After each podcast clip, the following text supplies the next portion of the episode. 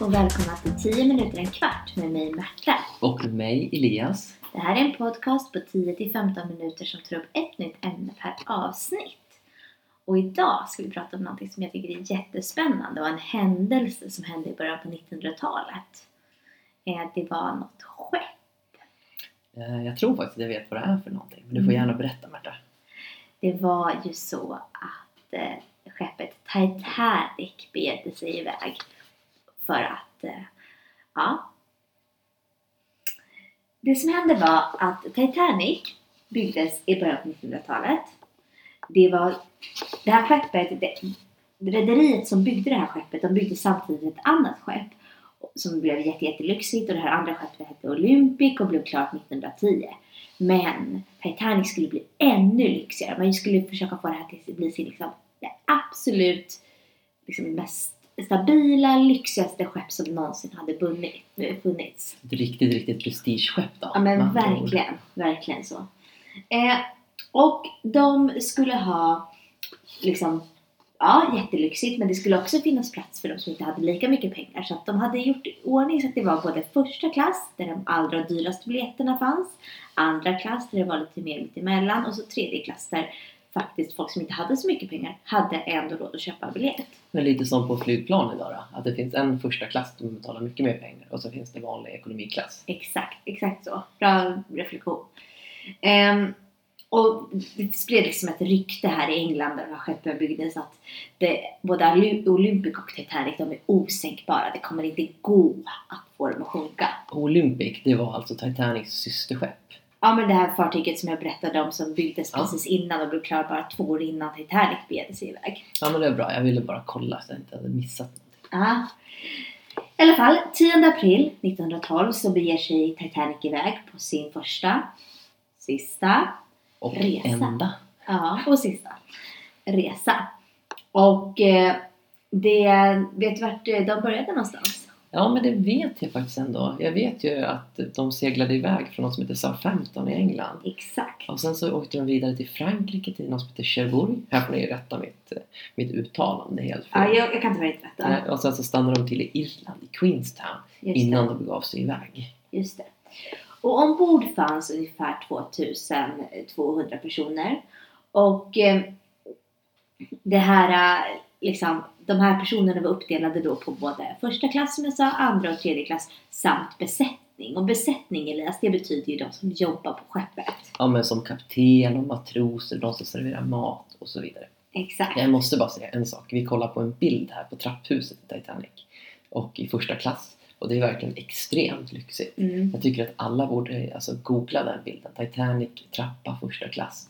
Och sen jämföra med hur det ser ut på Finlandsfärja idag. För det här är, det är något i hästväg verkligen. Ja, det var verkligen eh, ett skrytbygge som sagt. Eh, de har tagit fram lite så här eh, priser på vad de här biljetterna, olika biljetterna kan ha kostat. Och det man får tänka på nu är att man har ju, alltså pengavärdet har ju ändrats jättemycket sedan 1912 när man köpte biljetterna för Titanic. Och numera, alltså pengar var ju inte värda, var ju mycket mer värda då än vad de är idag.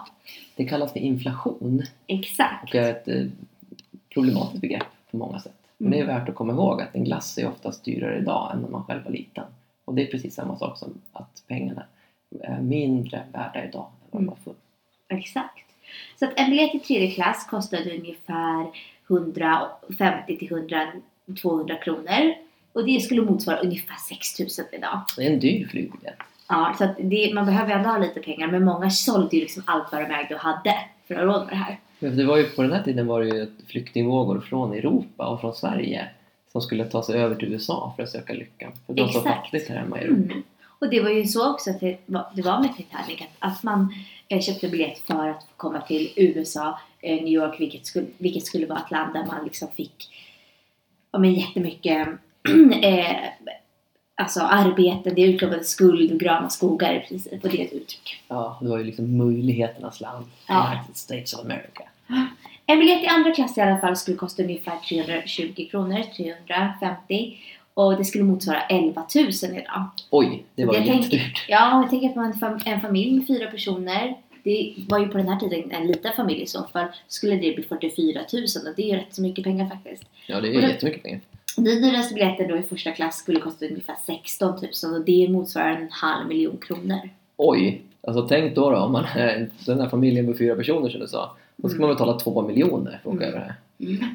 Det är Men- jättedyrt. det. Men ja, det, men det är jätte, jättedyrt. Men, men jag tror inte, liksom, jag tror till och med att det kanske var så att det, det här var ännu, om man skulle räkna om det så skulle det säkert kunna bli ännu mer liksom, kostnad idag för att eh, man får tänka på att liksom vi ägde kanske inte lika mycket saker då som man gör nu. Många människor har bilar, båtar, lägenheter, sommarhus som det inte var på början på 1900-talet. Man hade kanske sitt boende, inte så mycket annat. Men två miljoner för en familj är fortfarande rätt dyrt. Fortfarande extremt dyrt. Som de som åkte i första klass, det var ju inga flyktingar. Utan det var ju bara folk som nöjesåkte. Absolut. Så om man har råd att lägga en halv miljon på en nöjesbiljett, då har man ganska mycket pengar. Eller folk som åkte för att eh, flytta men som tänkte att det skulle bli ännu bättre att bo där. Ja.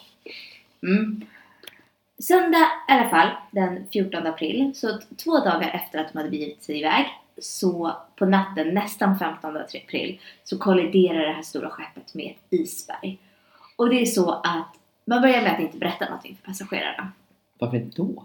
Man vill att de ska behålla lugnet, att ingen panik ska utbrytas, att det ska vara liksom eh, ja, men så lugnt som möjligt så länge som möjligt. Och dessutom så försöker man väl liksom inbilla sig ett tag att skadan inte är så illa som man först tror. Men den här skadan, den är faktiskt en reva på över 100 meter som gör att fartyget börjar ta in jättemycket vatten och då blir det ju tungt liksom där det tar in vattnet vilket gör att det kommer luta.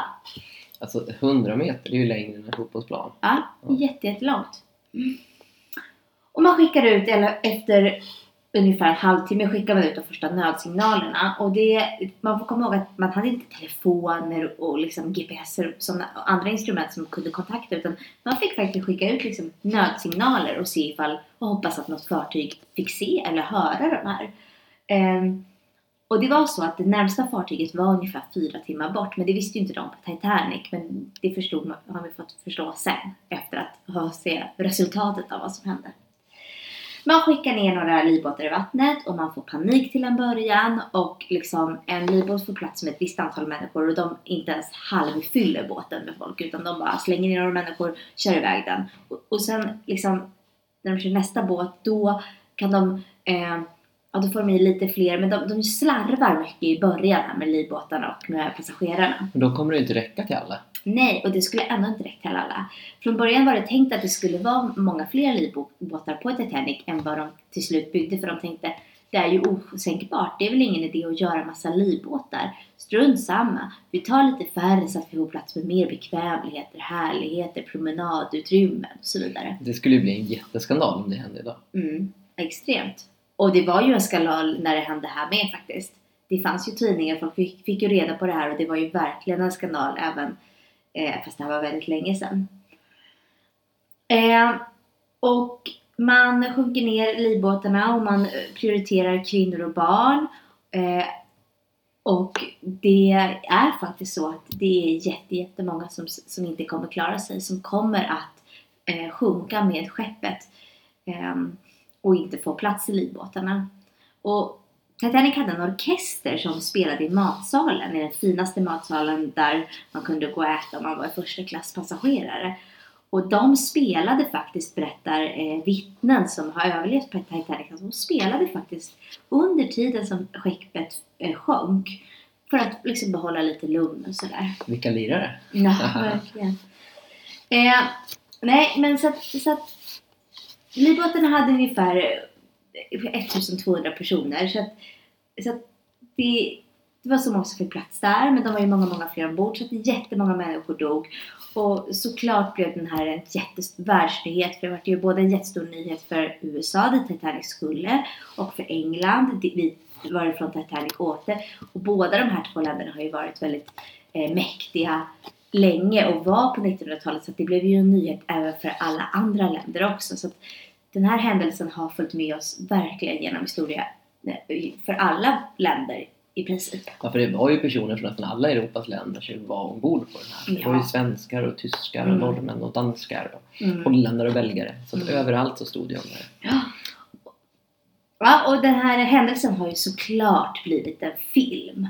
Och det blev den i slutet på 1900-talet. Och den heter faktiskt du, du, du, du, också Titanic. Det kommer jag faktiskt ihåg när den kom. Innan kan man säga att det här med Titanic var ju lite, inte bortglömt, det var ju Mm. inget man pratade om. Men sen så gjorde de den här filmen Mm, med en då väldigt ung Leonardo DiCaprio va? Mm. och Kate Winslet i huvudrollen. mm. Och det man ska tänka på med den här filmen, dels är det att de har byggt upp scenerna, jätte, de la, la jättemycket pengar på den här fi- filmen. Så de byggde upp scenerna så att det verkligen ska se ut som det gjorde på Titanic. Eh, så att man vill liksom få en bild av det så rekommenderar jag ändå att titta på det för att se så här, ja, vi har första klass, andra klass, tredje klass. Den här trappan som du berättade om i början, matsalen, orkestern som spelar när isberget sjunker.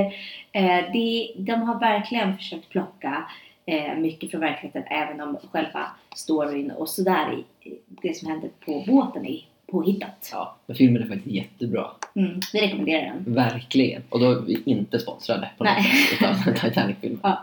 Men det var allt som jag hade för idag. Ja, vi som har sagt det här heter Elias och Märta och det här är en podcast som är gjord i samarbete med vikarielärare.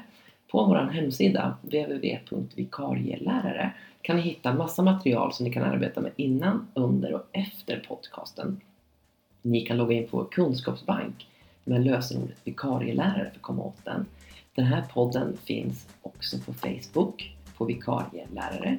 Gå in och gilla oss, eller på Instagram, vikarielärare heter det där. Gå in och följ oss. På Facebook har vi också en grupp som heter Lärarnas kunskapsbank som är oerhört bra. Det delas jättemycket material och spännande diskussioner. Så gå in och gå med där. Tack så mycket! Tusen tack! Hej! Hej!